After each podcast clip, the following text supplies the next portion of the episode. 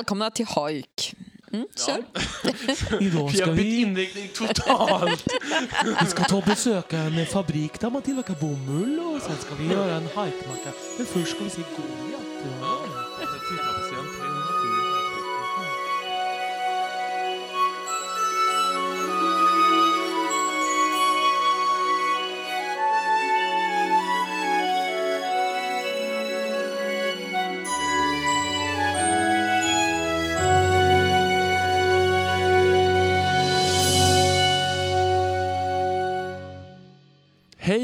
Välkomna till det artonde avsnittet av Tolkien-podden. Nu är vi tillbaka i Sverige efter Oxfordresan och det här blir ett lite mer normalt avsnitt. Eh, Den här gången kommer vi att prata om Gollum, kanske en av Tolkiens mest intressanta och unika skapelser. Och kända. Verkligen. Precis som alla andra gånger så är vi tre stycken som är här och pratar. Och det är jag, Elisabeth. Adam, Och Daniel. Då är det dags för första delen av även det här avsnittet. Och nu när vi är tillbaka i Sverige så är det alltså månadens Arda-profil som står på tur.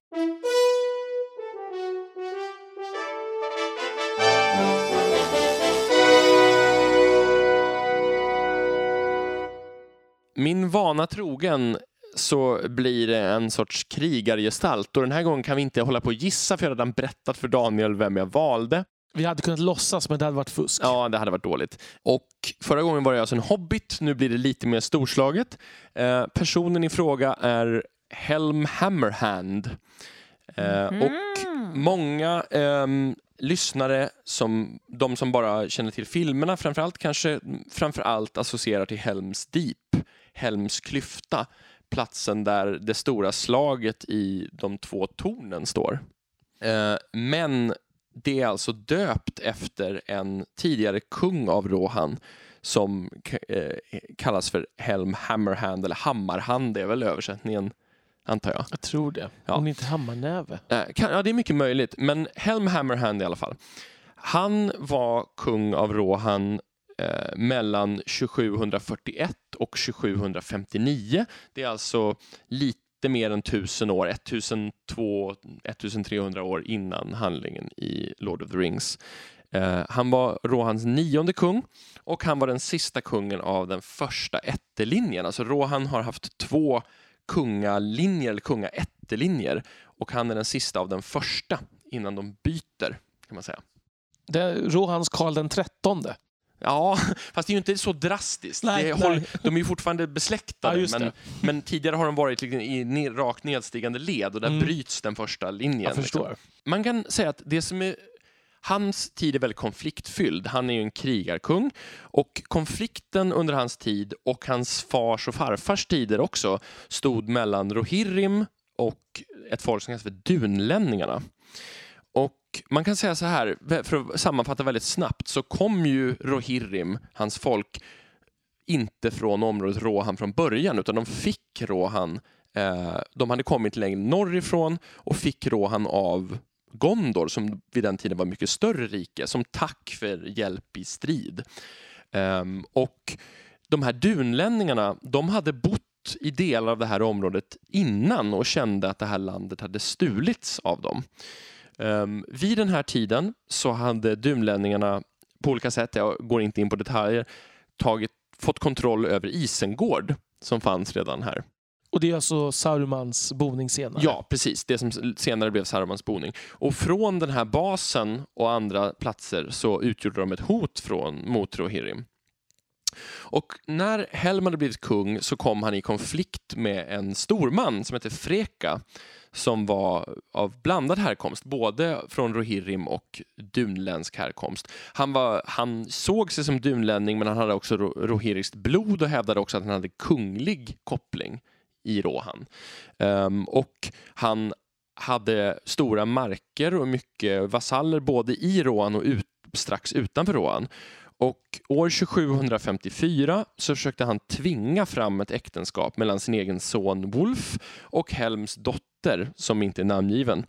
Eh, poängen med Ja, det såklart att hon inte är namngiven vill jag då det säga. är sor- lite sorgligt ja, förstås. Ehm, och poängen med det här var förstås att han skulle kunna tvinga fram ett case där Wolf skulle ärva Rohans tron.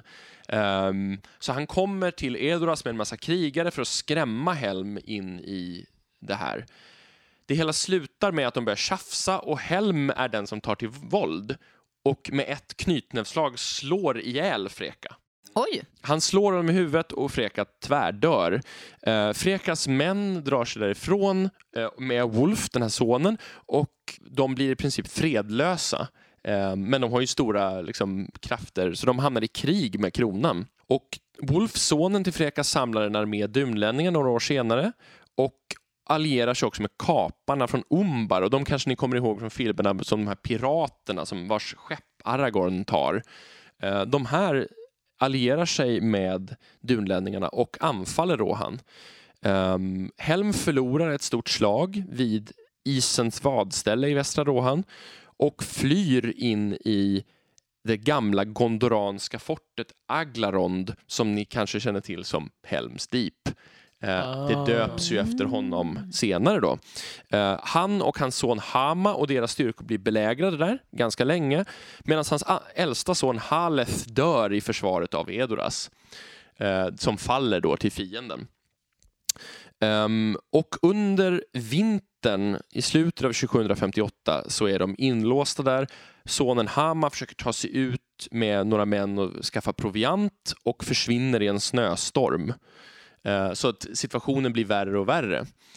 Eh, Helm blir liksom mer och mer desperat och arg och han har redan ett rykte om att vara farlig och en dödlig fiende. Men han brukar då blåsa det här stora hornet som finns i borgen, som ni kanske kommer ihåg från både filmer och böcker, och göra utfall i borgen och bryta igenom de belägrande trupperna eh, för att liksom, till exempel skaffa proviant.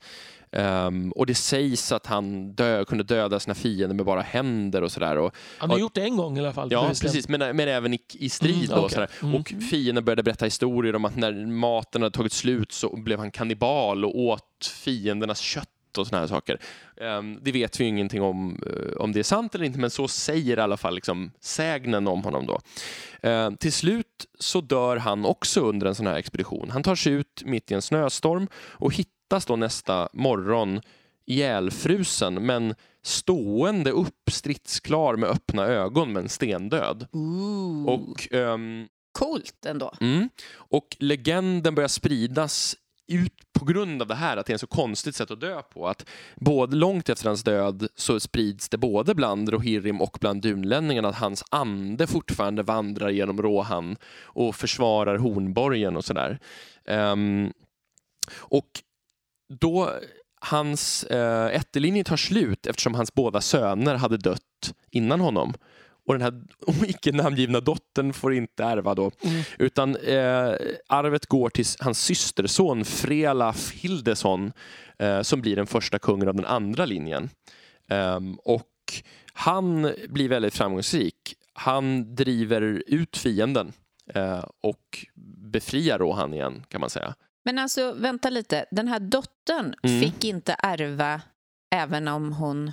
Hon var enda barnet kvar, men det här är ju en, så här en, en, eh, ett arvsystem där kvinnor inte kunde ärva. Men hela grejen med, från början nej, nej, nej. var Hela att... grejen var att Wolf genom att gifta sig med henne skulle kunna producera en son som skulle ärva. Genom att man gifter in sig. Kvinnor i ett sånt här system fungerade bara som liksom Så hade band. hon haft en son? Ja, då hade han kunnat ärva. Okay. Så fungerade de flesta medeltida arvsystem. Också. Alltså den, den manliga släktingen rakt nedstigande led helt ja, enkelt. precis. Och här fanns det inga manliga släktingar Nej. rakt nedstigande led. Uh, det kallas också salisk primogenitur. um, det är värt nästan en egen liten vignett. Eller, agnatisk, kognatisk salisk primogenitur är om kvinnor kan ärva också, men bara agnatisk, då är det bara pojkarna. Skriv upp det här, kära lyssnare. Man vet aldrig när man kommer använda det igen.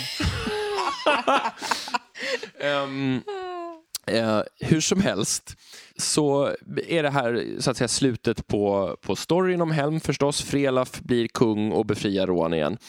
Uh, jag valde Helm dels för att jag tycker att han är att det är, liksom, det är en ganska intressant bakgrundshistoria till det här med Helmstid. Många tror kanske att Helm byggde borgen, men den var betydligt äldre än så. Mm.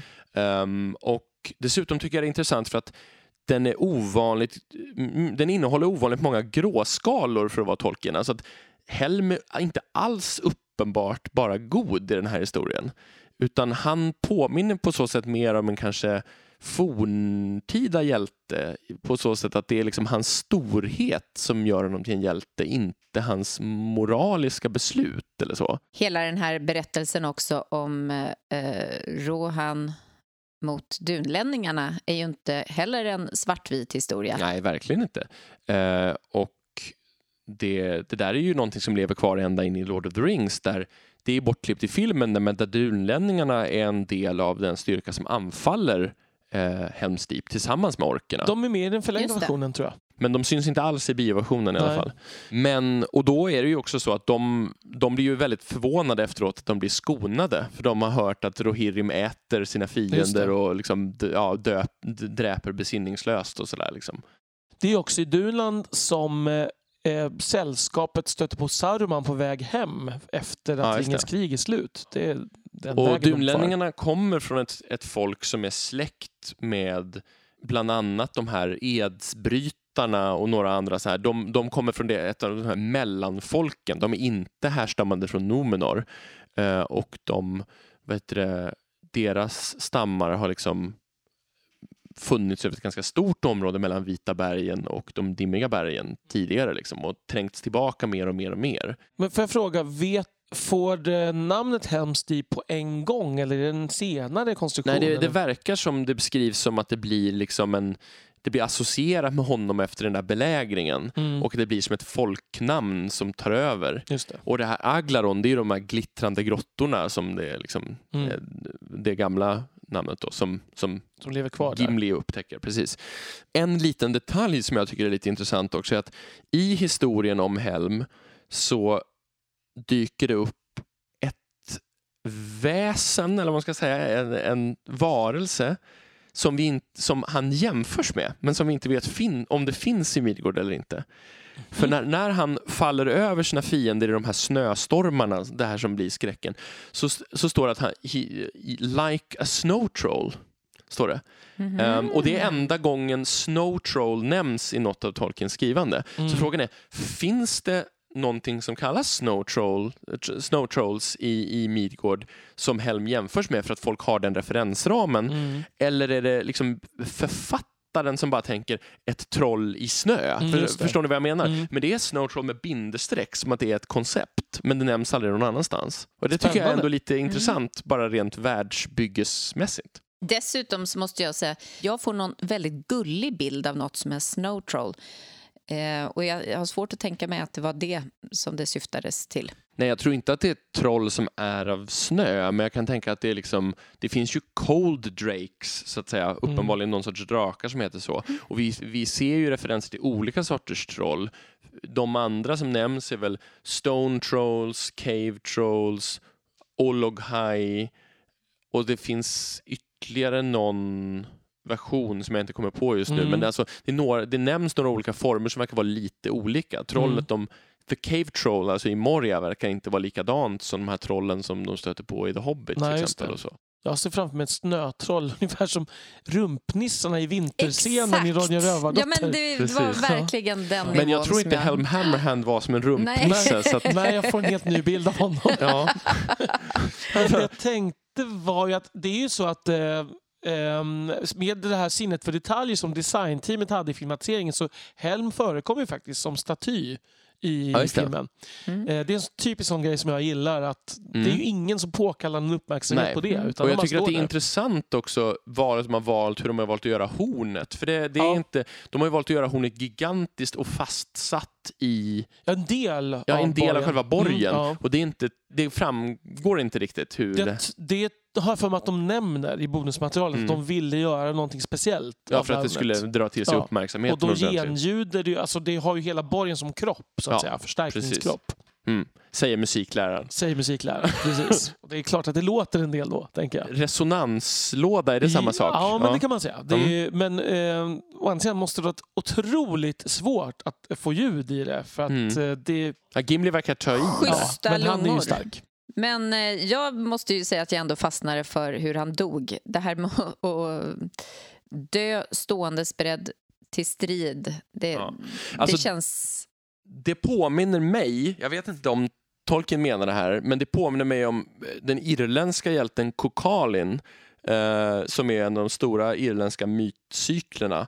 Han dör mot en stor övermakt av fiender men han driver tillbaka, alltså slår ihjäl jättemånga och dör av sina sår. Stå, han har bundit sig själv vid en sten stridsberedd liksom, för att försvara sig där. Undrar om han inte binder sig med sina egna inälvor till och med. Att det är liksom verkligen så här. Och Naturligtvis. Ja, ja, ja. Men Som du man ju gör. Ja, som man gör. Men, men då är det också en sån här att fienden är så rädda så de vågar inte Mm. komma och, och när de ser honom så tror de att han fortfarande lever för han står upp men han har varit Mm. död i flera dagar för de har varit så rädda för att komma tillbaka. Så jag kan ändå se, det finns någon typ av parallell här i den här krigaren som till och med i döden är stridsklar och, och skrämmande så att säga. Det låter rimligt. Vi, vet, Maximal machokultur någonstans. Precis. och vi vet ju dessutom att Lord of the Rings bara är så här keltisk trams. Så att...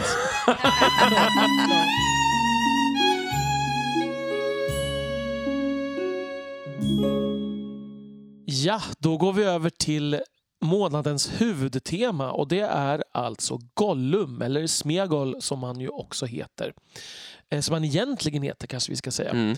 Gollum är ju bara ett elakt öknamn. Och eh, vi har valt Gollum just för att han, som Adam var inne på, är en väldigt ikonisk eh, figur. Eh, en unik skapelse hos Tolkien och kanske den mest minnesvärda personen tror jag, för, eller i, i berättelsen för, för många Mm. som, har, som kanske inte ens har sett filmerna eller läst böckerna. Min pappa till exempel, han, det är väldigt tydligt att han är inte så jätteförtjust i Lord of the Rings, men Gollum, alltså han, varje gång det kommer på tal eller det dyker upp i filmen så blir han liksom fascinerad på något sätt och fastnar. Och vi, och vi kommer ju säkert komma in lite på varför det är så Ja. lite senare i det här samtalet. Ehm, men vi tänkte att vi skulle börja med att eh, presentera Gollum lite för de eh, lyssnare som kanske inte har full koll på hans eh, biografi och kanske lite damma av de kunskaper som ni säkert sitter på också. Och då måste man väl gå tillbaka egentligen från vilket ursprung han har. Då ska vi, måste vi gå tillbaka ett antal hundra år och vi går egentligen tillbaka till innan grundandet av Fylke först, tänker jag. För Mm. att ehm, hobbitarna har ju inte alltid bott i Fylke, utan de kom västerut eh, från stora floden Anduin. Ehm, och det här skedde ju i olika vågor. De flesta hobbitar hade kommit till det som var Fylke år 1630 i tredje åldern. Eller det som blev Fylke då. Så, så i, man kan säga 1600-talet i tredje åldern börjar Fylke grundas. Men ännu ganska långt efter det så lever vissa hobbitar kvar vid Stora floden betydligt längre österut. Och de tillhör den hobbit-typ som kallas för storare. Den som har läst eh, prologen av Lord of the Rings kanske kommer ihåg att det finns olika strains of hobbits. Ja, precis. De är tre stycken. Det är ju storerna, det är hårfotarna och falhudingarna, tror jag de Precis. heter nu i den nya översättningen. Fallowhides och Harfoots på engelska. Precis. Mm. Eh, och det, en liten intressant kuriosa här är ju att hela den här eh, migrationen som hobbitarna gör är ju som ett eko av engelsmännens migration från den här tänkta angeln då till, till Precis. Storbritannien. Angler, saxare och jutar som Precis. kommer ja, till det romersk-keltiska eh, Britannien. Mm. Ja, hur som helst så ehm, lever alltså, efter att Fylke är grundat, så lever alltså vissa av de här hobbitarna eh, kvar längre österut. Och Gör de inte det sen? nej, De är helt borta. ja, de är helt försvunna. Ja. Långt, långt, långt innan Lord of the Rings Okej. utspelar sig. Ehm, och i ett av de här liksom eftersläpande eh, samhällena så föds då eh, Smegol. Um, troligen någon gång under 2400-talet. Tju- Robert Foster uppskattar till 2430. Vem är Ehm, Robert Foster? Robert Foster är en Tolkien-vetare som har skrivit The Complete Guide to Middle Earth som är en väldigt bra uppslagsbok som också Christopher Tolkien har godkänt och uppskattar. Vi eh, kan säga att den kommer fram ganska ofta. Vi använder det som eh, referensverk. Ja, Ja. verkligen. Eh, och eh, Smegol betyder alltså någon som som man ska säga, borrar sig ner som lite maskliknande så, i Gräver sig marken. in. Ja. Ehm, och det kommer ju faktiskt från samma ord som smaug. Mm. Det är samma etymologiska ursprung, smaug och smegol. Ehm, det har ju att göra med liksom, smyga och sådana saker. Och också. gräva och Ja. tunnla. Mm. Ehm, hans riktiga namn var Trahald. Och det här kanske tarvar sin förklaring. att Tolkien tänkte ju att den här berättelsen egent- egentligen utspelar sig i en värld där engelska inte talades. Nej. Utan ett annat fiktivt språk. Westron. Exakt. Och då skulle det, det äkta väströna då, eller väst, västspråkliga namnet som Smegol, då bara en engelsk översättning av, skulle vara Trahald. Och det är ju samma som att Fylke, The Shire, skulle heta Sosa egentligen. Och vad är det Frodo heter? Eh, Frodo heter Maura Labingi. Precis, så att ni märker. Det Mm. här står bara i bakgrundsnotiser och är egentligen inte så viktigt i sammanhanget kanske. Nej, men det kan vara kul att känna till. Väldigt, väldigt nördigt, men roligt tycker jag. Mm. Det här är första gången jag hör de här namnen kan jag också säga. Eh, Så att eh, de som inte har hört dem innan behöver inte känna att de inte Ingen alls... skam och skuld. Nej, Nej. verkligen inte. Precis. Von Oben-podden.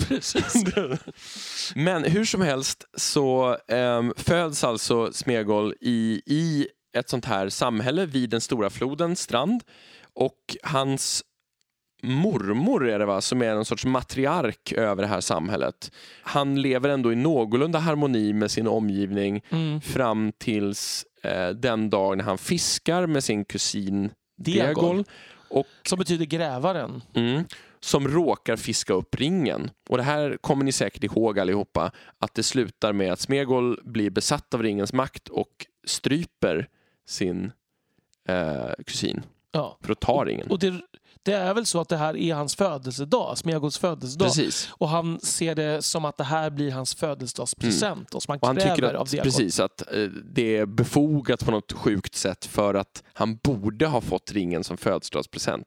Smegol beskrivs som att han innan ringen kom till honom var en sökande, nyfiken och grubblande personlighet kan Alltså, man säga. som, hans namn, gräv, alltså att, det, Ja. han gräver sig Han vill ner. ta reda på vad som Ja. finns bakom och under och liksom i både bokstavlig och bildlig bemärkelse. Mm. Och han blir en väldigt osympatisk person av ringen. Mm. Den här kraften blir ju inte så stark som den hade blivit hos en stor krigare men han får ju en massa han, han blir osynlig han, och får en massa, han stjäl, han beter sig illa, han, Han använder sin osynlighet Ja, också på till ett sätt saker. som gör att han blir hatad Mm. helt enkelt. Men till slut så blir han ju fördriven helt Mm. enkelt från, från det här samhället. Eh, och han gräver sig ner, kan man säga, i princip då under Dimmiga bergen. mm, eh, den här stora bergskedjan.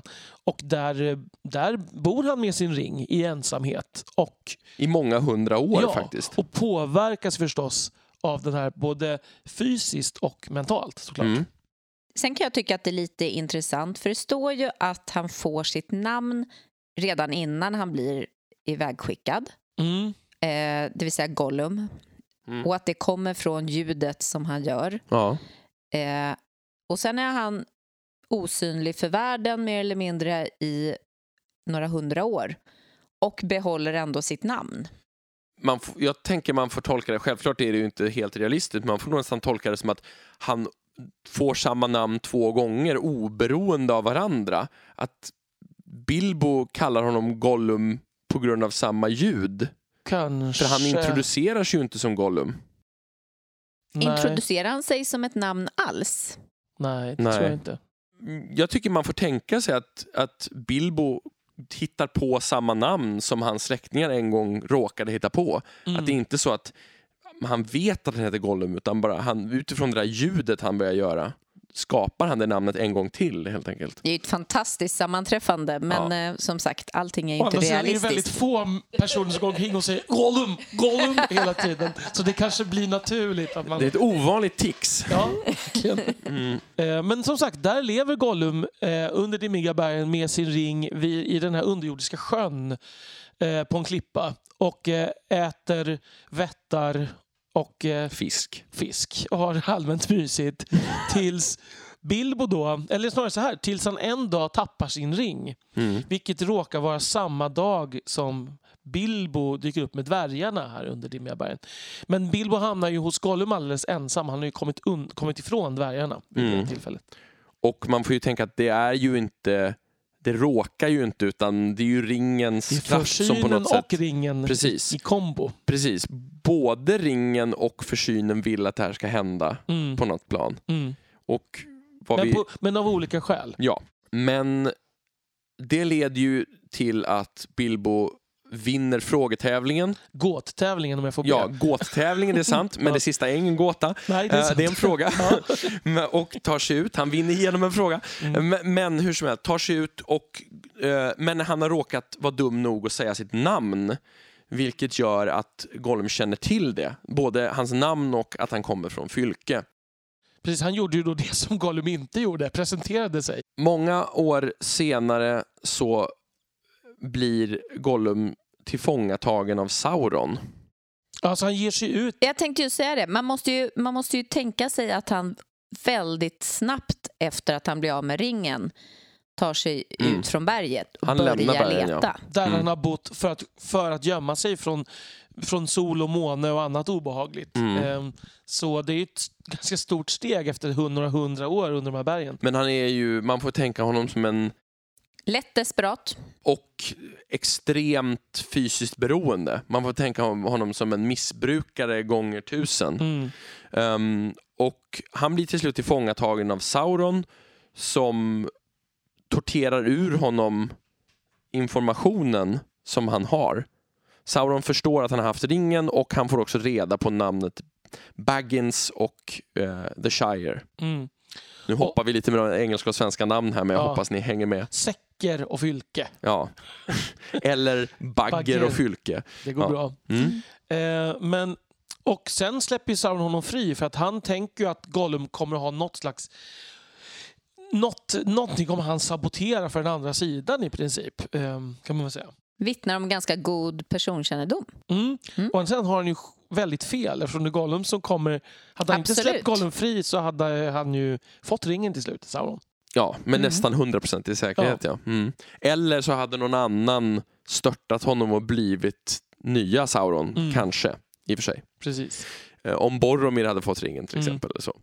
Eh, hur som helst så um, ger sig ju Gollum ut igen då och letar efter ringen Mm. och hittas då av Gandalf eh, på sina vandringar. ja, han och Aragorn. Jag tänkte ja, Han och Aragorn tillsammans, tillsammans, ja. va? Mm. Mm. Och de eh, pressar ju sin tur ur sanningen ur Gollum om vad han har avslöjat för Sauron och lämnar honom sedan i skogsalvernas förvar uppe i Mörkveden. Och nu är vi ganska nära, nu är vi bara två år innan, eller något år eller två innan handlingen i Lord of the Rings här. Exakt. Och skogsalverna det är alltså Legolas och company. Ja, Mm. precis.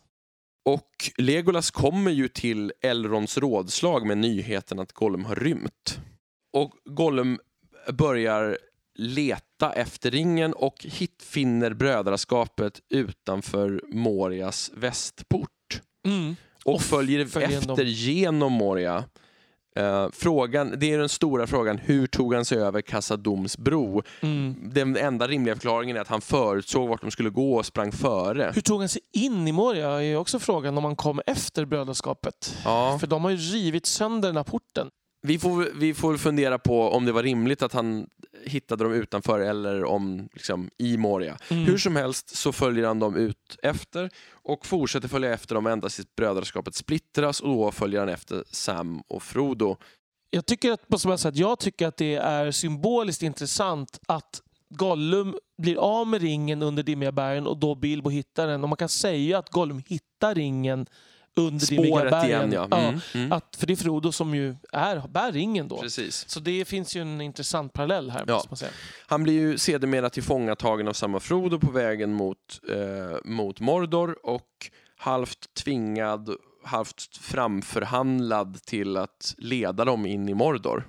Mm. Och han lovar ju svärd där att, att eh, Sauron aldrig ska få tag på ringen, Mm. kan man säga. Att han ska lyda the master. Ehm, och ehm, det är ju sen då som Gollum kommer på att ett sätt att få tag på ringen det är att, och inte bryta sitt löfte, det är ju att föra hobbitarna via Shelobs lya, kan man väl säga. Alltså lockan eller honmonstret, den här Mm. jättespindeln. Eh, och låta, låta henne då göra processen kort med hobbitarna och sen ta ringen ibland benrester och sånt som blir kvar. För då har han själv inte skadat Nej, Frodo. precis. Så Han töjer ju lite på Ja, den ja, moraliska verkligen. aspekten på detta kan man väl Bara säga. lite lätt. Mm. Men sen när de kommer eh, ut precis utanför Shelobs håla där så attackerar ju hon Frodo. Och precis innan där, när Sam får syn på eh, den stora jättespindeln och ska varna så blir han själv påhoppad och då är det ju alltså eh, Gollum. Och han får alltså en hand över munnen precis när han ska skrika en varning till Frodo. Och Gollum har ju inte lovat att inte skada Sam. Nej. Ska vi säga. Men Sam, eh, dri- pådriven av sin ilska, sitt hat och sin beskyddarinstinkt gentemot Frodo, vänder på steken och, och spöar Gollum så det står härliga till. Vilket Gollum nog inte har förväntat sig. Nej, det är få som spöar Gollum annars. Ja, faktiskt. Ålderns rätt kanske börjar... Ja, Jag, precis. jag tror nog mer på ilska. Man, man brukar ju säga att, att vad, vad heter det? Vad heter det? Motivation slår klass. Ja, just det. precis. Ja. Eh, och Gollum blir ju, liksom, försvinner ur berättelsen ett tag. Kan Ja. man säga. Ända tills de beger sig upp för Domberget, Frodo och Sam. Mm. Och då gör Gollum ett nytt försök, men blir återigen iväg. Driven av driven, Sam. ja, som precis. inte klarar av att döda honom fast han har chansen. Precis. När de beger sig upp där, då är det väl faktiskt så att eh, Gollum attackerar inte Sam, utan han attackerar Frodo. Eh, och där är det ju någonstans så att där begår han ju ett stort brott mot det löftet han har avgett. Mm. Men det är Eh. omöjligt att tolka det som att han inte har brutit löftet då. Och det är också där det som gör... Någonstans så får väl Frodo de här krafterna för att det som blir tydligt där det är att det är en attack på att ta ringen. Mm. Och det enda som kan få honom motiv- liksom orka någonting är att försvara sin rätt till ringen just då. Ja, Mm. För allting annat har vridits ur honom. Sam jagar iväg Gollum och Frodo fortsätter upp in till Sammath Naur. Mm. Och där eh, kommer Gollum ytterligare en gång. Mm. Ehm, och det är Och- tur. Ja, det är ju tur. Eh, och eh, ger sig på eh, Frodo som då har tagit på sig ringen och Gollum biter av Frodos finger men med ringen på och trillar sen ner i, eh, i lavaströmmen. Och det vi ska poängtera här är att det här har ju Peter Jackson ändrat lite grann. För Mm. det, han faller ju ner under lite andra omständigheter. Alltså, grejen är ju den att i filmen så eh, faller de tillsammans och Ja, sen visst ja. så Det är mycket mer han... av en kamp, att det delvis är Frodo som bidrar till att han faller. Mm. Medan i boken är, är Frodo helt utanför och det är bara Gollums egen liksom, så här, distraktion av ringen som gör att han snubblar baklänges. Ja, precis. Gollum blir, eller vad säger jag, Frodo blir passiv i det här Precis. för att han har blivit av med ringen och sitt finger dessutom. Ehm, så exakt, Gollum, jag antar att de ändrade det i filmen för att det inte skulle se lite löjligt ut att Gollum dansar sig i princip eh, ner i lavan. Så här. Mm. Utan de att den här kampen gör att det blir mer trovärdigt tror jag. Mm. Men själva poängen i boken är ju att Frodo inte är inblandad i Gollums död Nej, och det är en väldigt viktig moralisk poäng från Ja. Tolkiens sida. Precis. Så det är därför jag tar upp det här. Ja. Ehm, och Gollum faller ner, faller till sin död och förgör också ringen. Och han dör alltså år 3019. 3019. Ja, det stora året. I mars.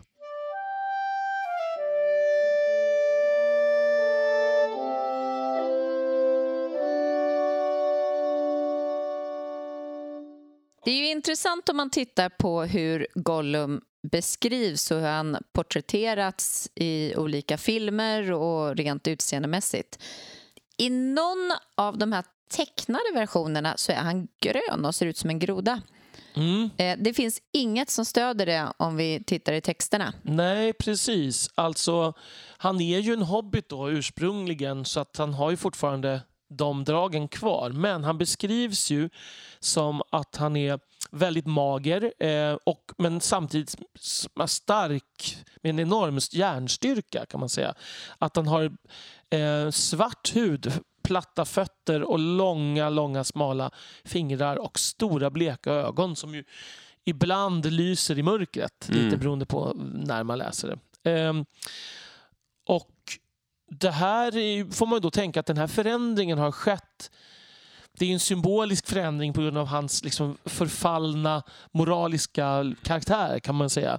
Men det är ju också någon slags underringens inflytande. Alltså, det som är påfallande är ju det att den tolkning som Peter Jackson har gjort, den är ju på ett sätt mer realistisk än den som finns även i Ralph Bakshis han ser ju mer ut som en humanoid. Eller liksom, han, det är lättare att förstå att han skulle kunna ha varit en hobbit. Mm. Eh, men den är lite längre ifrån eh, beskrivningen i texten faktiskt. Mm. Att han är, han är ju väldigt mycket blekare än, och han, är, han beskrivs så mycket mörkare i, i, i böckerna. Dessutom de här liksom simfötterna har de inte gjort så mycket av heller. Nej, stora fötter har han nu. Ja. Jag kan verkligen förstå Flapping feet. ja. de, eh, att man har gjort de förändringarna lite för att göra det hela något mer realistiskt eh, på något Mm. vis. Det här med glåmigheten som är helt verklighetstroget om man har, har varit under... Under mark. Ja. I hundratals år. Ja, nej men alltså någonstans så, så utan sol i många dagar försmäktar man. Eh, nej men det känns rimligt att man är blek Ja, det tycker jag och också. Jag, glåmig. jag tror att för att också i filmen kunna se kopplingen faktiskt mellan Frodo och Gollum tror jag att de har gjort Mm. den förändringen. För Mm. Frodo blir ju mer och mer Gollum-lik faktiskt vart efter filmen går. Jo, absolut. Nej, jag, jag tycker inte att det är ett stort problem, men jag bara påtalar det här. Absolut. Ehm, Och sen det här med, med fötterna, det hade ju känts lite som kalanka. Verkligen. hade stora lysande ögon. Eller som det står i den ursprungliga versionen, att de sticker ut ur huvudet till och med. Ja, där kom du in på något intressant. För det är nämligen så att när dyker egentligen Gollum upp i Tolkiens skrivande? Och då är det ju så att han dyker upp i eh, den ursprungliga versionen av The Hobbit när han skriver den. Ehm, det är ju där som Gollum gör entré i Tolkiens legendarium kan man säga. Ehm, han beskrivs ursprungligen inte alls som något hobbitliknande utan han är mörk som mörkret med långa fingrar med stora simfötter som f- flap, alltså de klafsar typ när han går. Och eh, han har långa ögon som är stora och bleka som sticker ut som teleskop och projicerar ljus. Ehm, så det här är ju en bit ifrån den, den, liksom, det utseende som Tolkien sen beskriver. För att det är ju när han börjar skriva Lord of the Rings som han, som han kommer på det här att Gollum måste vara en, en hobbit i Mm. princip ursprungligen. Så den ursprungliga idén eh, i The Hobbit är ju inte att Gollum är något hobbitliknande utan är Nej. någon slags underjordiskt monster nästan lite grann. Som Kanske lite ett, mer Grendel i Beowulf. Sådär, Ja, någonting. men ett Mm, hinder på vägen Ja. för, för Bilbo. precis. Ehm, Men det intressanta är att i den ursprungliga versionen av The Hobbit, som de flesta av er säkert inte har läst eller kanske ens hört talas om, så är det så att ehm, i, i den, den version som de flesta har sett så är det så att i den här gåtleken, eh, där är det ju så att eh, eh, Gollum säger att han ska visa vägen ut om Bilbo vinner, annars ska han äta upp Bilbo. Mm. Men han har ju egentligen aldrig något sånt syfte. Han tänker ju att han ska i princip äta upp Bilbo vad som än händer. Mm. Ehm, Men i den ursprungliga versionen så är dealen är att okej, om Gollum vinner får han äta upp Bilbo, men om Bilbo vinner då ska Gollum ge honom en present. Och den här presenten är ju alltså ringen som i den här versionen inte alls har någon större betydelse bevisligen för Gollum. Nej, för att Tolkien har inte hittat på att ringen är ringen med stort R. Nej, precis. Det är ju bara en magisk ring. Det är bara då. något som man blir osynlig av. Mm. att, och grejen är att Bilbo har ju redan hittat den här ringen. Så när sen Bilbo vinner så ger sig Gollum iväg för att hämta ringen åt Bilbo och hittar den inte. Och då blir han så ångerköpt så att han istället han ber om ursäkt jättemånga gånger och säger till Bilbo men jag visade vägen ut istället och du kan få fisk av mig. Eh, Han blir väldigt liksom Det är en väldigt Eh, hederlig Gollum här. Ja, precis. För att Bilbo avslöjar i sin tur inte att han redan har hittat ringen. Så det är ju Bilbo egentligen som är den som är lite, beter sig lite skurkaktigt mot Mm. Gollum. Han spelar mer fult. Ja. Och det här är alltså den ursprungliga publicerade versionen av Bilbo, eller The Hobbit.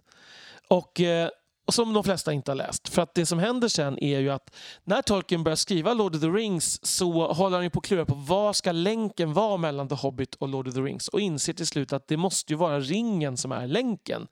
Och då inser han att den här ringen måste ha mycket större betydelse men det går ju inte alls ihop med den berättelse då som eh, Gollum, alltså den, den gamla versionen av Gollum så att säga. Så att han inser att jag måste ändra i The Hobbit. Eh, så då ändrar han till den version som nu finns. Och ger, gör den gamla versionen gör han ju till en slags eh, cover story som Bilbo har hittat på för att eh, lura Gandalf att han fick faktiskt den här ringen som present. Mm. Lite knasigt tycker jag, eh, den här dealen som man har där. Att ja, nej men eh, vinner jag, då käkar jag upp dig. Vinner du så får du en present, men jag tänker inte ens berätta från början vad det är för present, utan det är liksom Ja, det, man får tänka Ja. att det är en barnbok mer då fortfarande, så att det är mer som att... Hepp. Hepp, typ. eh, men jag tycker att det är ganska... Eller så Bilbo är så jäkla säker på att han är bra på gåtor. Ja, ja, precis. Ja. Men, men det jag tycker är lite kul, liksom, eller det jag tycker ändå är lite fyndigt gjort, är ju att den här gamla versionen av The Hobbit lever liksom kvar i ändå i det att det är den versionen som Mm. Bilbo har berättat för alla som frågar.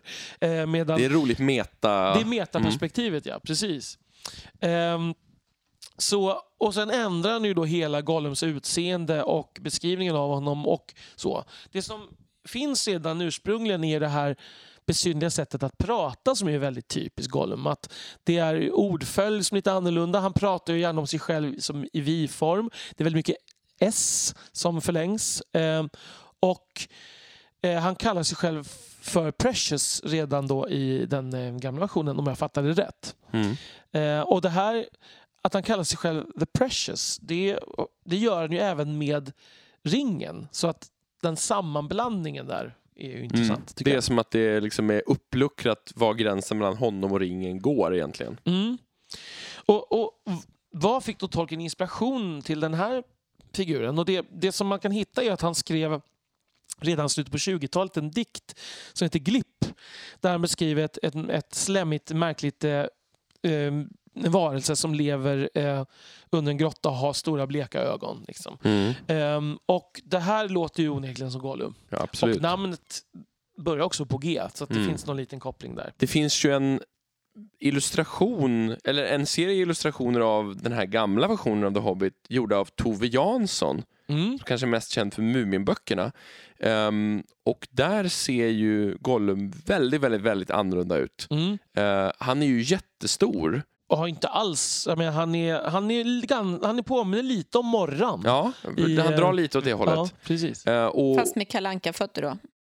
Man får aldrig se fötterna. Nej, men, men det, och det är ju inte så konstigt om man bara läser texten hon hade att utgå ifrån. Mm. Det, alla många har skrattat åt den här bilden, men vid det tillfället var det inte så konstigt. Därför den är ju till den ursprungliga versionen Precis. innan han blev Mm. mer hobbitlik. Ja, För övrigt ser ju Bilbo exakt ut som knyttet i Ja, Jag ska trösta Mm. knyttet i den versionen. Men det är ju bara gulligt. Om vi då har tittat på hur de här yttre egenskaperna har ändrats så hur eh, han beskrev dem från början och vad det blev så småningom så finns ju de här inre egenskaperna som vi har touchat lite grann på att han i första versionen var en betydligt hedligare personlighet än vad Om han... en hungrig. om en hungrig, vem måste inte äta ibland? Precis. Men att han eh, inte behåller det i, eh, till slutversionen. nej, det blir ju snarare ohederlighet, hans viktigaste drag på något Mm. sätt.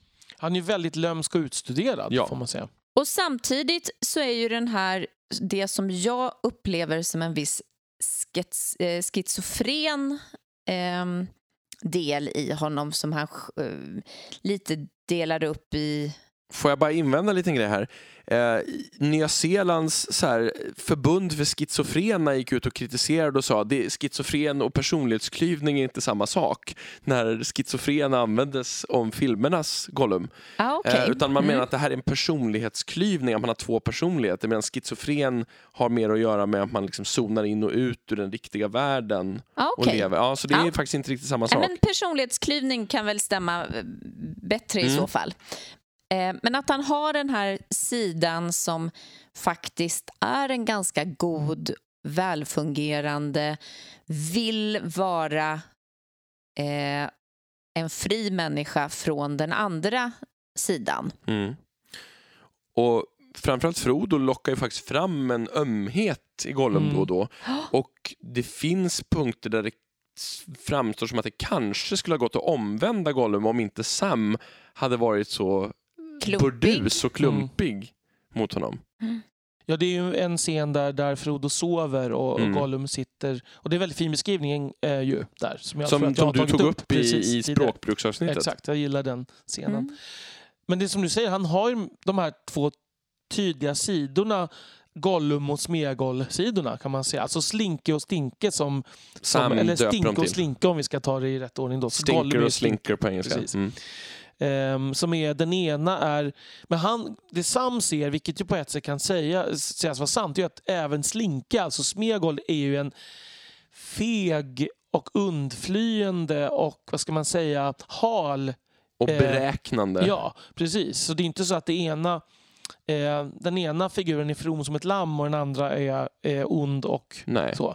Man kan väl säga att den ena är liksom smörande och undfallande och den andra är direkt konfrontativt aggressiv. Mm. Fast den, den smörande och undfallande har ju ändå en annan agenda, skulle jag Mm. säga. Ja. Den vill ju nå ett annat mål. Och den har, i alla fall till en början. Det finns ju den här kända scenen som Peter Jackson gjorde väldigt mycket av när, man, när Gollum pratar med sig själv i filmen och man klipper fram och tillbaka som att han är två personer nästan. Mm. Eh, alltså som sitter mitt emot varandra, man, ur olika vinklar. Som dessutom ett, är gjord i en enda tagning. Ja, det är helt fantastiskt av Andy Serkis. Mm. Men det jag tänker är här, där blir det ju som att de diskuterar och ligger ganska långt från varandra i början av dialogen, de här två sidorna, och till slut enas de om att okej, vi kan kompromissa på det här sättet.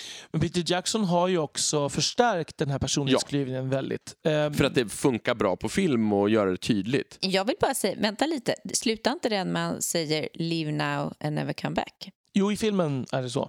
Så slutar det med Precis, det. men i boken så är, väl, är det väl så att de då enas om att de ska ta sig igenom Torres Ungol. För det är senare i filmen. Det är ju när han har blivit förrådd av... Eh, i, i, sina, I sin egen värld så blir han ju förrådd av Frodo. Vid eh, The Forbidden Pool. Precis. Ja. Men, men jag tror att återigen, den här scenen i filmen, där, där, där gör han ju upp med sitt mörka förflutna på något sätt och gör sig av med det. Men det sker ju aldrig i boken så, så rakt Det är, ut. det är Nej. mycket mer dramat, drastiskt. Ja, i, det antyds ju att, Mm. att det kan vara på gång i boken. Mm. Men det är inte så att det Eventuellt. sker. Ja. Mm. Men det jag tycker är intressant är jag tycker att eh, jag tror att det var Philippa Boyens som var en av manusförfattarna som sa att eller kan Peter Jackson också, som sa att det är ju faktiskt så att man i filmen då, de, de fick ju Smeagol att framstå som ganska gullig, men de var, de var väldigt noga med sen att klargöra för publiken att det var ju faktiskt Smeagol-sidan som dödade Degol, kan man säga. Mm. Alltså Gollum-sidan fanns ju inte då. Nej. Så att det, det, den här eh, söta delen Smeagol är ju också en, en mer en... Beräknande, farlig Ja. och manipulativ. Precis, men som troligen det finns en del finns en del av den delen av honom som vill någonting bättre. Precis. Så kan man nog tolka det. Men han jag. använder också sina puppy eyes för att så att säga Ja, få folk att tycka synd om honom. precis. Ja. Och Frodo har svårt att inte tycka synd om honom i, i och med att han på något sätt ser en för, Sin en för- föraning om Ja. sin eventuella framtid. Jag tycker ju att även då i boken där, där de här puppy eyes och sånt inte alls framkommer Nej. utan Gollum är ju mycket mer Alltså även, han är inte riktigt lika charmig liksom. Nej. så, så är det ju så att jag tycker Tolkien lyckas ändå skapa en varelse som man känner ett enormt medlidande för. Så att, så, trots bara genom texten så att säga. Ja. Så att Mm. det, det är ju inte alls konstigt tycker jag att, att både Bilbo, Frodo och Sam känner det här medlidandet, alltså the pity. Mm. Så, Ehm, som ju det här som är själva nyckeln sen till att ringen faktiskt förstörs. Och då kanske vi ska komma in på eh, temat kring eh, Gollums roll i förstörelsen av ringen. För det här är ju en väldigt viktig moralisk poäng som Tolkien gör. i berättelsen. För ett väldigt känt citat som många kommer ihåg, det är ju det diskussionen mellan Frodo och Gandalf ganska tidigt i första boken där Frodo säger att Gollum borde ha dö dödats av Bilbo. Mm. Mm. Och Gandalf säger att var inte så snabb med att dela ut dödsdomar.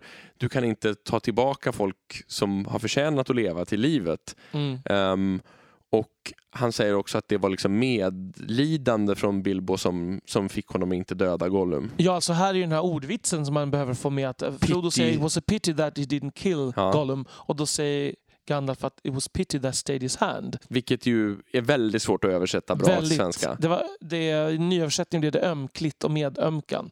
Ja. Vilket ju fungerar men är inte Mm, nej, klocker. men det är ju- klock, det är sånt inte där är ju nästan- klockers. Sånt, sånt där är ju nästan omöjligt att översätta riktigt ja, bra. Verkligen. Men, men grejen här är ju det att Gandalf förvarnar ju på något sätt om det här om att det fanns en poäng med att Gollum skulle överleva. Mm. Att det är liksom, han har fortfarande en roll att spela, jag kan inte se riktigt vad. Men, och Gollum, eh, och Frodo tänker ju mycket på det här Gandalf har sagt under resan med Gollum där han är ett fullständigt opålitlig och ett jättestort riskmoment och Sam är jätteskeptisk mot att ha Gollum med.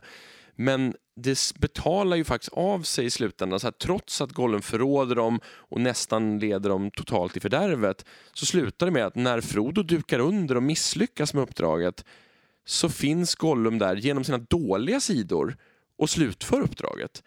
Mm. Ehm, och det här skulle jag vilja hävda är en av de mest kristna aspekterna från Frodos sida. Mm. För Frodos nåd mot Gollum belönas så att säga av inom citationstecken Gud eller världsalltet eller försynen eller ödet när de låter den här goda kristna handlingen belönas genom att Gollum, Gollums överlevande räddar Frodo när han själv inte orkar slutföra uppdraget. Ja, framförallt det i kombination med att man inte heller på egen hand klarar att genomföra det.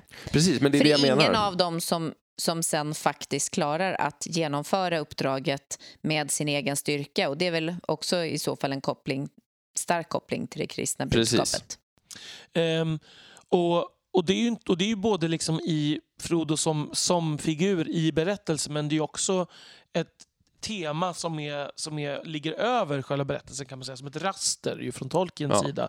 Visar att de här kristna, den här, här, vad ska man säga, den, den här kristna värderingen är någonting man kan förlita sig på. Så, Mm. det, och det är inte bara själva värderingen i sig utan man kan också förlita sig på, följer man de här de här lagarna, instiftade Mm. lagarna och reglerna, moraliska reglerna, så blir man också belönad. Mm. Det kan ju ske på olika sätt, men här är det ju väldigt handfast belönad. Då, Precis. Gud vakar över en och har en stor plan. Ja. Och om du följer lagarna så kommer det att betala av sig. Mm. Men jag tycker också att det är väldigt intressant det här som Elisabeth tog upp ehm, här tidigare som jag, som jag tycker nu fick, jag fick i ett nytt, nytt sammanhang. Det här att det, när Gollum bryter sitt löfte mot Frodo, som han faktiskt, han blir ju, han genomför ju uppdraget kan man säga då, och Mm. genom det här medlidandet, men han får ju också sitt straff för att han bryter löftet Mm. mot Frodo.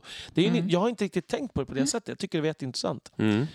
Ehm, och på samma sätt får man ju säga att Frodo får sitt straff för att han misslyckas med uppdraget.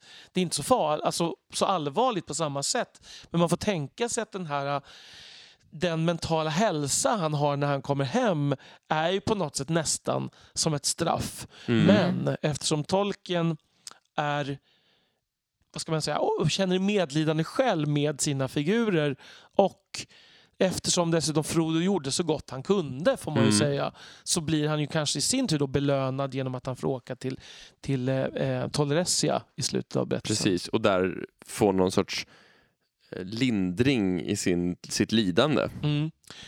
Det var ju någon brevskrivare, det kanske vi har nämnt tidigare, men som skrev till Tolkien och sa att han tycker att Frodo han var förrädare. Han blev typ blivit avrättad som Mm. krigsförrädare. Och, Mm. och Tolkien försökte förklara att han gjorde sitt yttersta. Han Och kunde- ingen hade klarat Nej, det. precis. Men alltså, det som jag tycker är häftigt med, med Gollum det är ju just det här att han har eh, så många lager. Mm. Ehm, finns det någon annan karaktär som man hittar lika många nivåer i eh, bland Tolkiens Nej, jag tror inte det. För att som du säger, det är inte bara att han har två sidor utan det är liksom lager inom de här Mm. sidorna.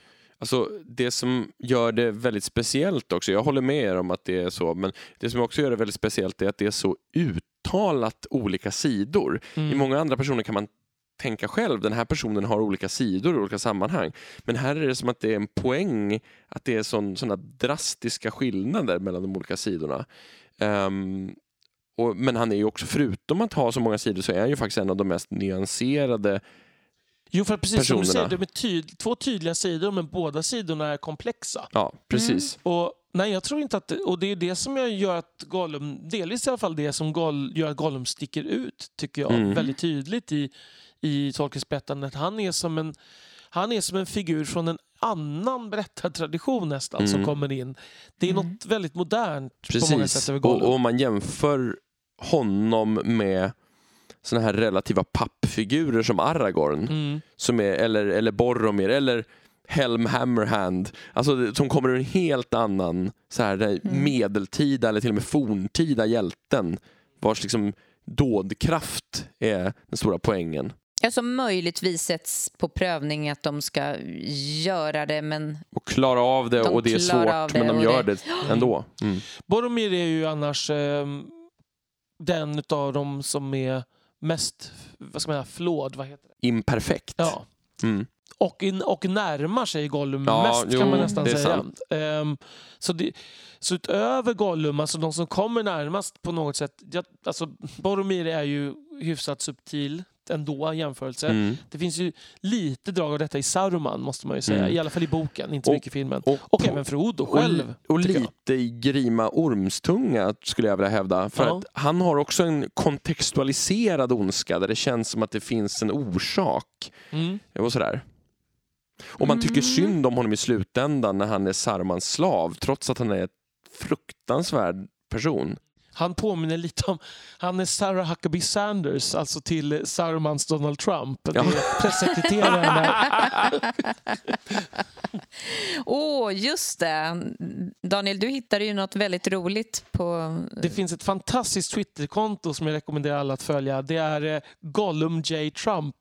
Eh, och det är helt enkelt så att när Donald Trump twittrar någonting så twittrar Gollum J. Trump någonting som sen bygger på samma tweet som är fast det är Midgårdsrelaterat och med Gollums typiska talsätt. Precis, och det är väldigt så här, geniala överföringar Verkligen, ibland mellan ja. de här två. Precis. Eh, jag tror till exempel att det är någon, någon som säger dubious sources och då ändrar till dubious sorcerers Ja, det är i, i. Gollum-versionen. Det är väldigt roliga sådana här. Det funkar väldigt bra. Eh, det är ju mycket liksom nasty, nasty. Liksom. Mm. Ja.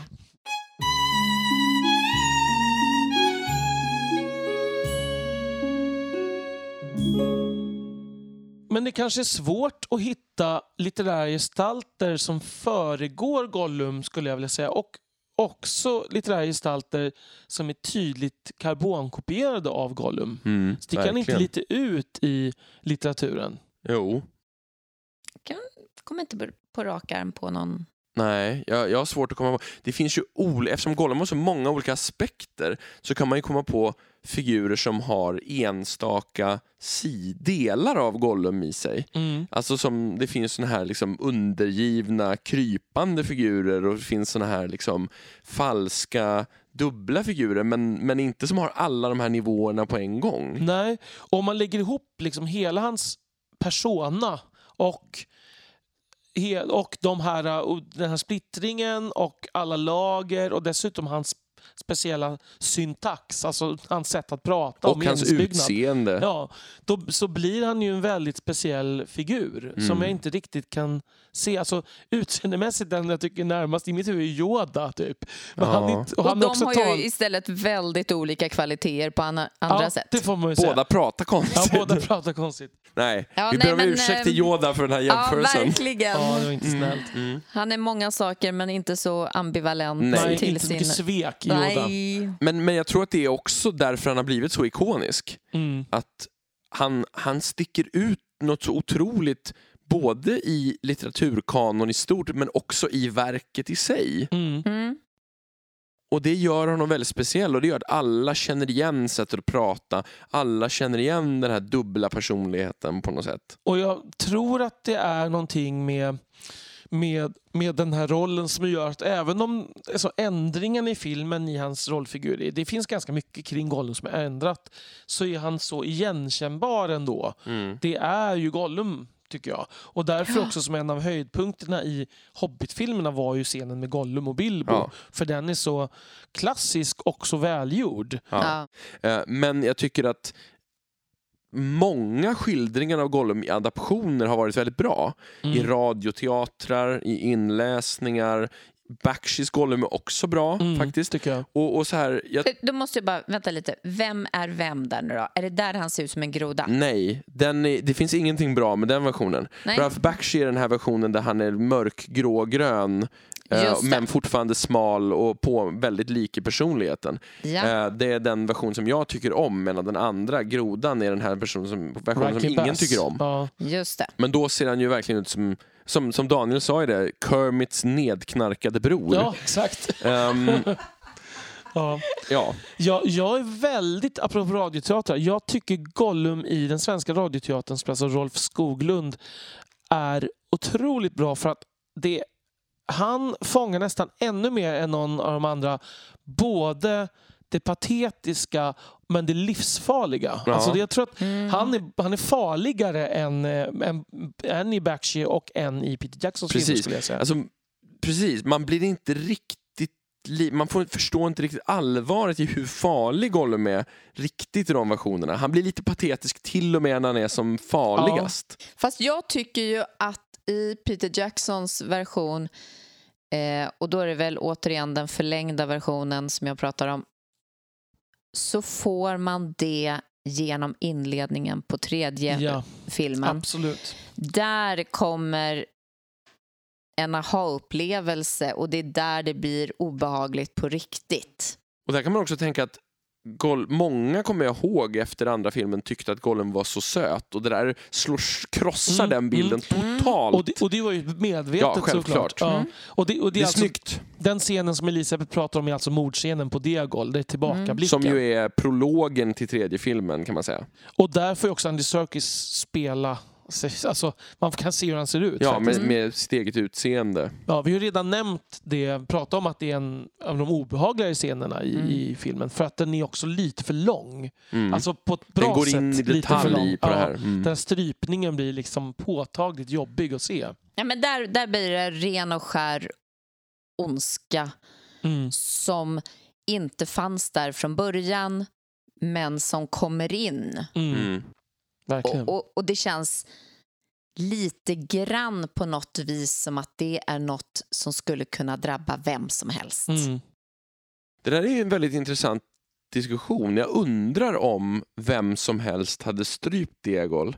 Mm. Jag tvekar på det faktiskt. Jag Ja. tror ändå att Gollum var mer Mottaglig? mottaglig Mm. för Mm. den här kraften än många andra. Och det är det Absolut. som gör att han så snabbt slår om till mord direkt.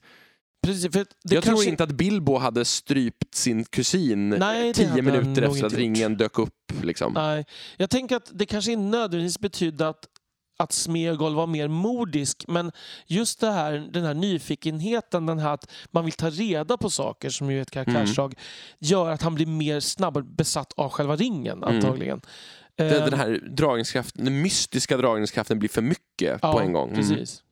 Vem hade åkt dit? Boromir? Ja, Ja.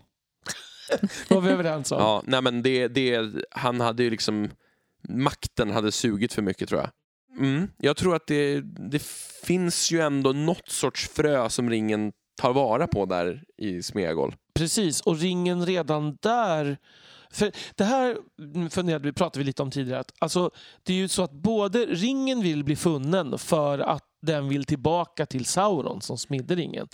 Eh, Och det är ju en rent ond princip i ringen. Den Ja. vill till Sauron, det vill säga den vill illa för världen så att säga. Men det finns mer än en kraft i Precis. rullning här. Den här klassiska försynen då. Mm. Precis. Och försynen kanske vi ska definiera lite. Man kan väl säga att det är lite så här eh, det goda ödet, Guds plan för världen skulle man kunna säga inom citationstecken lite grann. Mm. Att det, fin- det är som att Gandalf talar om det här väldigt ofta, det är en kristen tematik eh, om att det, det här var meningen att det skulle hända, det fanns nog en, fanns nog en innebörd i det här. Mm. Eh, det hör ihop med någon sorts gudomlig plan. Men det är väldigt intressant här ju att, att Guds och vi säger då djävulens bara för Mm. att eh, ja, det är ett lämplig parabel här. Ja, Eh, så att Guds och djävulens planer sammanfaller ju ända till liksom kanten på la, i- ovanför Mm. lavaströmmen. Mm. Kan man säga att, alltså, det är först när, när Gollum snubblar ja, som, som, Som Gud, Gud vinner över djävulen Ja. så att säga. För, Mm. för, och jag, det är ju det är återigen någonting jag inte riktigt har slagits av förrän Nej. nu. Att, att det är så att det, att, de- att, att det kanske är också därför det går så bra med uppdraget. Ja. För att, eller hur man nu ska kalla det, om det nu går bra. Men får man väl säga. De vill samma Båda sak. vill samma sak Mm. ända till slutet. Ja, och nu ska vi komma ihåg att vi, vi menar ganska bildligt med både Gud och djävulen, för Absolut. de existerar ju inte i den här formen. Men så att säga ringen som är den onda kraften och försynen så att säga som är den goda kraften Mm. som samspelar. Mm. Den, man kan väl tänka att den onda kraften vill ju då att Frodo ska duka under och Nazgulerna har ju, är ju på väg då. Mm. Så de hade ju plockat upp Gollum, tagit ringen och gett den till Sauron. Ja. Om inte Gollum hade snubblat.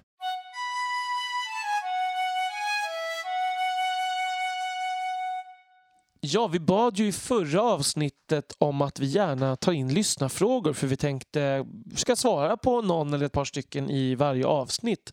Och vi har fått in några stycken, hur Adam? Ja, vi har, väl, vi har fått in ett antal förslag och idéer och frågor. Och ehm, till exempel så frågar Anton om orkernas bakgrund, hur vi tänker kring den och Tolkiens förändrade idéer och sånt där. Men det är ett så stort ämne så det tänker vi nog faktiskt ta in antingen som ett helt eget tema eller i något tema kring folken. Så det kommer vi inte svara på nu. Däremot så har vi fått en fråga från Martin för ett tag sedan eh, kring Morias bakgrundshistoria och också lite mer specifikt kring den här scenen mellan Gandalf och Balrogen på Kassadoms bro. Vad det Gandalf säger betyder egentligen och så här.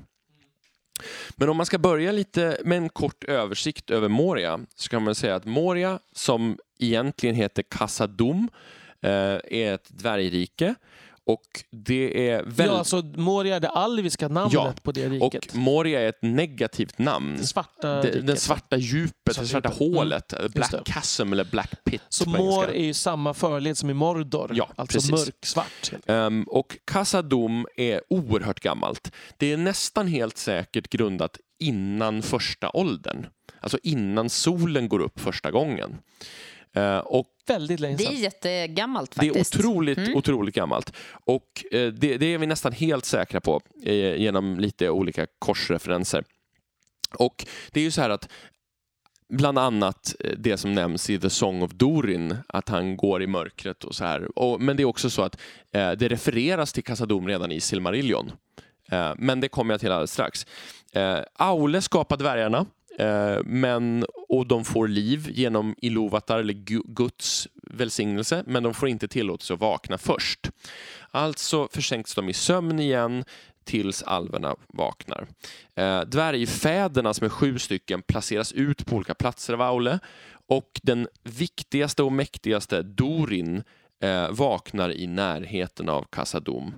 Han hittar en sjö, den som senare i berättelsen kallas för Keled Saram, Eh, eller spegeltärn eller spegelkärnen i de olika svenska översättningarna, Mirrormere, vid berget Zirak-Sigil och där så ser han speglingen av en stjärnkrona i, i vattnet och börjar på by- byggandet av Kassadom i berget i närheten. Eh, otroligt tidigt. Ambitiös dessutom, Ja. alldeles ensam. Och, men vi vet ju inte riktigt hur dvärgarna förökade sig eftersom de kommer från sju fäder. Så Mm. var kvinnorna kommer ifrån, det är ju samma problematik som det här att Adam och Eva får, får bara söner och så vidare. Mm. Men vi vet inte hur, hur många de var eller hur fort de blev fler och så vidare. Mm. Hur Men man kan ju också tänka sig att är man helt ensam då har man ju inte så mycket annat att göra kanske. Så att, Han, han hade bara en sak att göra, det var en väldigt, väldigt lång session att spela Minecraft. Här, så, ehm, ja. Man kunde inte savea så han bara fortsatte. Ehm, Men får jag bara säga att, bara tänka här, tänk om det är så, man, det här är min tolkning nu, Mm. det är att eftersom vi, vi har inte ens, alltså Helms dotter där brydde han sig inte om att benämna ens. Kan det vara så att han skapade sju mödrar också som man bara inte nämner? I fast så fall är det faktiskt riktigt pissigt Ja. av Tolkien, måste jag säga.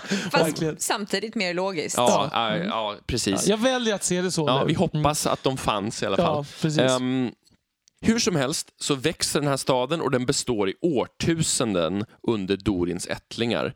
Ehm, den här Dorin är ju Dorin Deathless. Dvärgarnas myt är ju att hans ande föds om i alla senare kungar som heter Dorin. Att han, liksom, det är, han är reinkarnerad. Men det är bara en myt. Ja, det inte så vet att vi tol- inte säkert. Nej, okej. Alltså det, det framgår inte om... Tolkien säger att dvärgarna trodde att det var så, Mm. men vi vet aldrig om det är så eller inte. Nej. Ehm, det, och hur som helst, som Tolkien ofta gör, att han säger jag vet inte själv, så att säga. Just. Ehm, hur som helst så, så ryktas det om det alltså under första åldern. Dvärg, eh, alvrikena i Beleriand hör talas om storheten av det fjärran Kassadom från dvärgstäderna i Blåbergen, Nogrod och Belegost, eh, som är alltså andra dvärgfäders stammar, så att Mm. säga. Ehm, och i andra åldern, när Beleriand har gått under och alver och människor har flytt österut till det som, den del av Midgård som senare Lord of the Rings ska utspelas i, så grundas en alvstad som heter Eregion av Noldor-alver. Ehm, och den grundas precis utanför Kassadoms portar. Och i region, det betyder järnekslandet ju. Det fick Precis. inom en Hollin då på Mm. engelska. Precis. Och det här är en av de ovanliga Ehm, de ovanliga tillfällen där dvärgar och alver kom riktigt bra överens. Ehm, den här alvfolket börjar kallas för Gwaith i Mirdain, the people of the jewelsmiths. Och de leds av Celebrimbor som är mest känd för att ha smitt maktens ringar, de flesta av dem. Och um, det är en väldigt intressant grej här innan vi kommer till nästa del, är ju det att Celebrimbor och de andra allsmederna där smider maktringarna under Saurons eh, överinseende och med hans hjälp Det är innan han eh, avslöjar sig som ond, så att säga. Innan han smider den enda, eller innan han kommer ut med den enda ringen, så att säga. Um, och det görs ofta en poäng i böckerna av att um, de tre alvringarna inte, att Sauron inte hade någonting med deras smidande att göra. Eh, Men det är faktiskt så att Kassadoms dvärgar hävdar, och det är återigen, vi vet inte om det är Mm. sant eller inte, att en av de här sju dvärgringarna, den som gavs till Kassadoms herre av Celebrimbor, ska ha varit smidd innan Saurons inflytande och att den ska vara den enda obefläckade av de sju. Det låter som propaganda, Ja, men, det är väldigt intressant. Så, eh, så det hävdar i alla fall vissa liksom, Jag tänker väl lite att det, med tanke på att Dorins folk... De är ju helt klart Mm. den mest ståndaktiga och tydligt goda av dvärgklanerna. Men det är därför jag menar att det kan vara propaganda. Ja, precis. Det är, de tvättar sin egen smutsiga Ja, byk. Så, eh, hur som helst så avslöjar sig Sauron och hamnar i krig med alverna och 1697 i eh, andra åldern så krossar Sauron i region.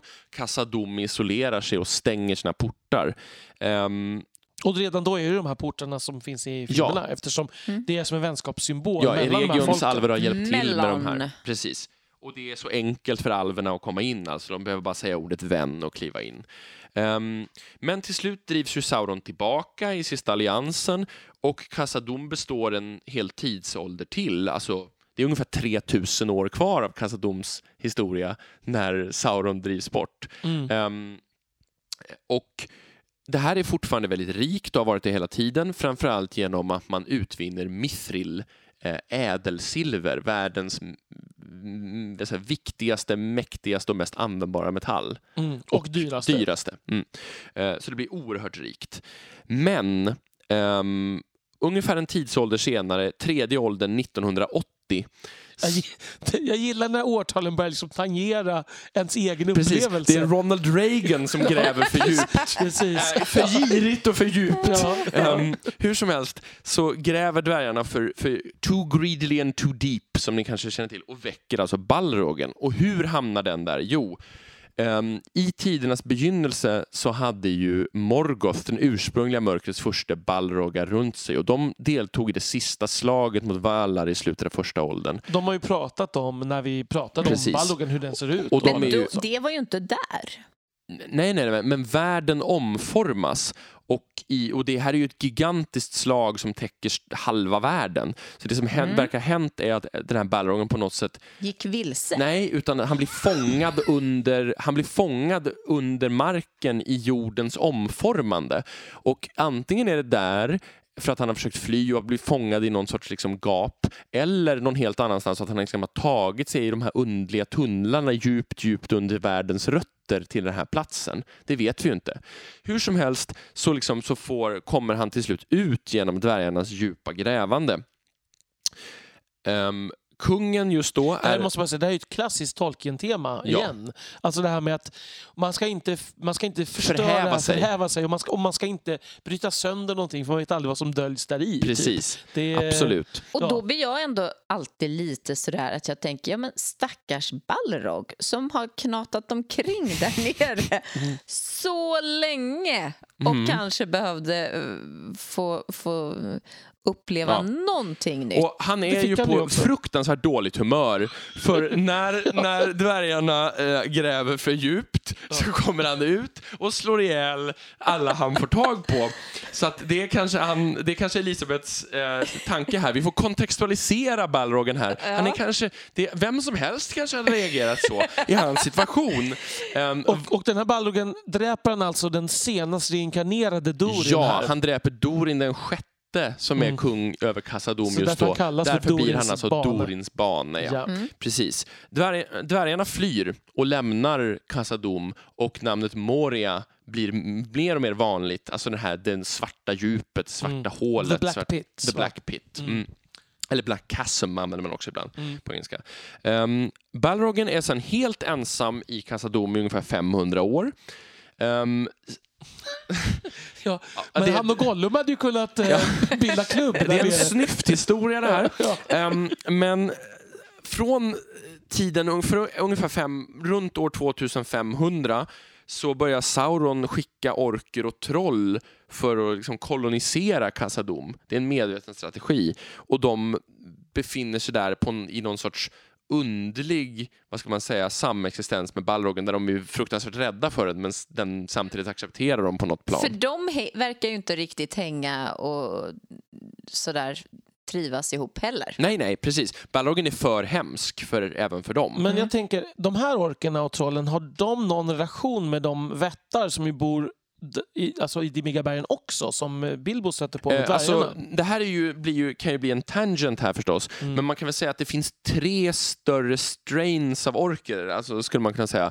Det är de små uh, dimmiga bergen-orkerna, ja. Ehm, det är Mordor-orkerna som beskrivs som mer aplika med långa armar och lite mer gulbleka. Mm. Eh, mer än grå som är dimmiga bergen-orkerna. Och sen så finns det de här stora orokerna, eller Uruk-hai, som ju i- böckerna också är skapade av Sauron som en Mm. framavlad krigarras. Och de är stora vä- och liksom muskulösa och svarta, de klarar av ljuset bättre och sådär. Mm. Eh, man kan väl säga att troligen så är det väl någon sorts blandning men att det är ju definitivt så att det finns både Mordor-orker och Oroker bland de här så det är inte bara de här dimmiga bergenorkerna. För till exempel så den här orken som spetsar Frodo i eh, The Chamber of Mazarbul han är en stor svart Orokhövding. Mm.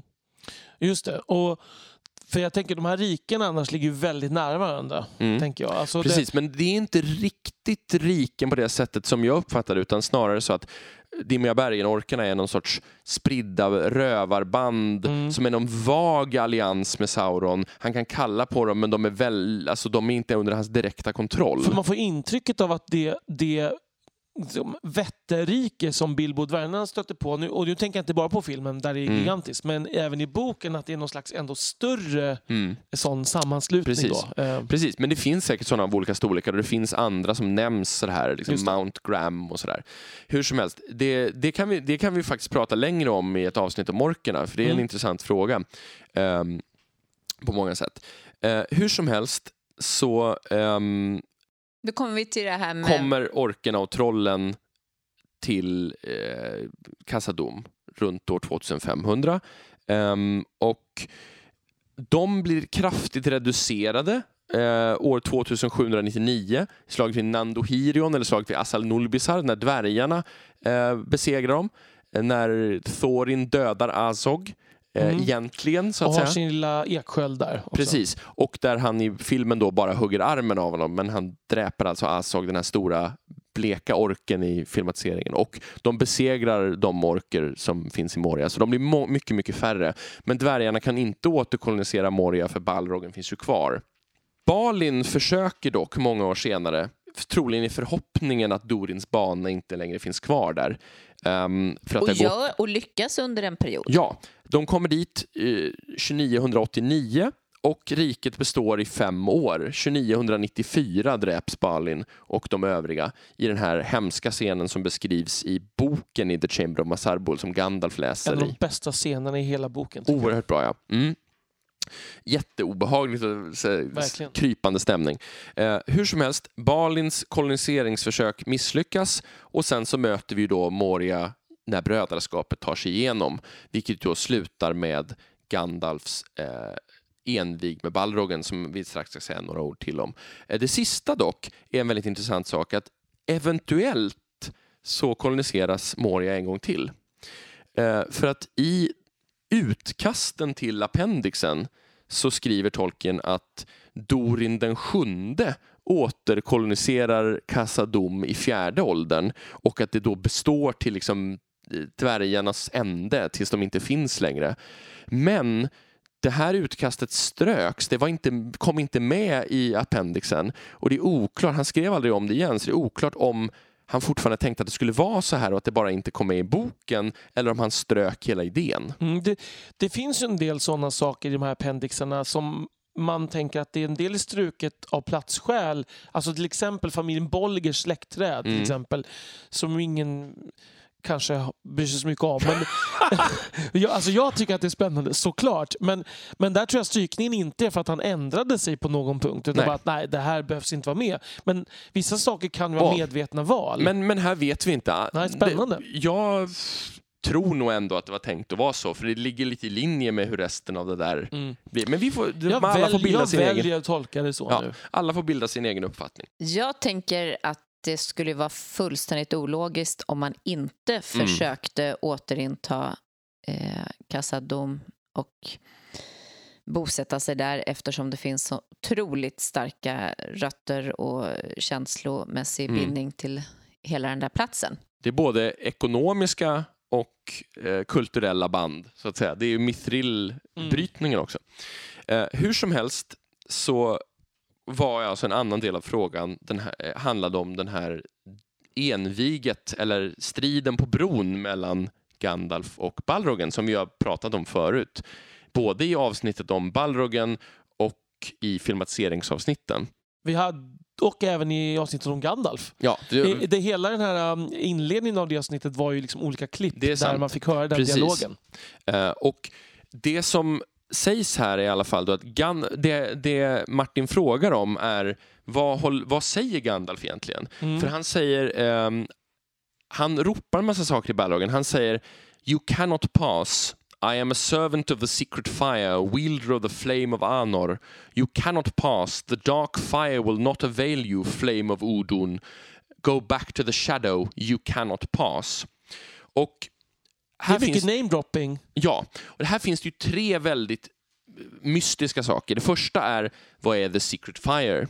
Det andra är vad är the flame of Anor? Och det tredje vad är the flame of Udun? Mm. Eller Udun. Ehm, och the secret, om vi går igenom det här lite snabbt, själv, det här kan inte bli jättestora diskussioner men vi tar inte det nu.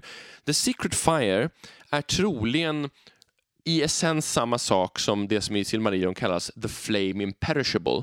För de beskrivs på ungefär samma sätt. De olika... Alltså en odödlig låga helt ja, enkelt. den odödliga lågan. Och det här verkar eh, symbolisera existensens själva essens, alltså skapelsekraften i världen. För det sägs att den här flamman eller elden brinner i världens hjärta och att Melkor åtrår den och skulle vilja ha den men att den egentligen bara utgår från Gud, Iluvatar själv.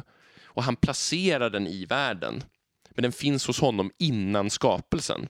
Mm. Ehm, så att här gör ju Gandalf helt enkelt en referens till vilken, vilka krafter han tjänar, så att säga. kan man Mm. säga.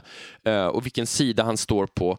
Ehm, sen så nämner han att han är wielder, alltså den som svingar eller använder sig av eller eh, beväpnad med the flame of Anor. Och det betyder alltså, Anor är solen eh, på Sindarin. Det är alltså solens flamma. Eh, vissa vill tolka det här som att han vill hota genom att säga att han bär Narja, Mm. eldringen. Men det är också många, inklusive mig, som inte tror på att han skulle säga det här till fienden eftersom det här är en väl dold hemlighet. Utan jag tror mer på det här att ehm, han återigen bara vill säga att han är eh, på den goda sidan. Han svingar ljuset, Ja, så att säga. exakt. Och då- Solens ljus. Och då bildligt, men även i detta mörker, bokstavligt talat. Och, och då jämför han det ju med The Darkfire som inte ska hjälpa Balrogen. Och det intressanta är att i ett tidigare textställe här, innan Tolkien reviderar, så säger han inte The Flame of Anor utan The White Flame. Mhm. Så det är, det, är en väldigt, det är ganska tydligt tycker jag att det här handlar om ljus och mörker, gott och ont. Det tredje är också är faktiskt ganska tydligt, det är den lättaste att tolka. Det är Flame of Odun.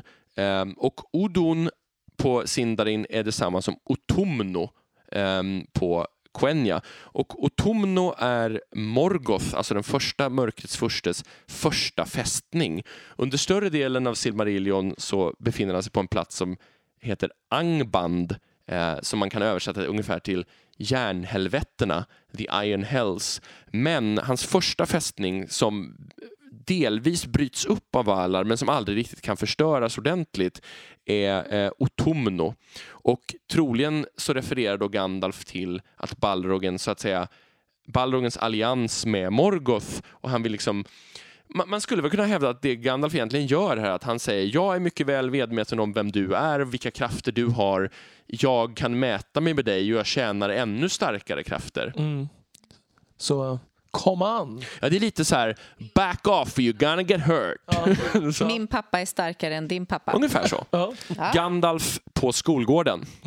ja precis. Ja. Vi vill ju gärna att ni fortsätter att skicka in frågor och funderingar så att vi kan sticka in sånt här eh, i någon fråga per avsnitt kanske. Det, är, det, det är dessutom trevligt med den interaktionen måste jag säga. Mm. Och eh, mejladressen är som vanligt tolkienpodden at gmail.com. gmail.com. Och sen sist har vi också skaffat ett Twitterkonto. Ja, Tolkienpodden heter vi där. förvånande Det är nog. jättekonstigt. Ja, Så twittra gärna till oss och allt vad man nu gör på Twitter. och ni kan ju också skicka Facebook-meddelanden om ni har frågor eller tankar. Det går bra. Ja, Alla vägar bär till Tolkienpodden. Ja, Precis. Inte alls förmätet. nej. Vi skulle också vilja passa på att göra reklam för en eh, kombinerad konsert och eh, panelsamtal som kommer äga rum söndag den 25 november klockan 18.00 i Nacka kyrka. Och eh, det kommer börja med konsert med bland annat mig och min kollega Gunilla Werner och vi kommer framföra olika typer av Tolkien-relaterad musik. Och sen blir det panelsamtal med oss i Tolkienpodden där vi tillsammans eh, med andra gäster kommer att diskutera Tolkien och kristendomen. Och det här panelsamtalet kommer också spelas in och bli ett specialavsnitt av eh, Tolkienpodden. Och då är ni förstås väldigt välkomna till både konserten och samtalet. Tack så mycket för att ni har lyssnat återigen och vi hoppas att ni är tillbaka om en månad och vi hörs av igen. Hej då! Tack och hej! Hej då!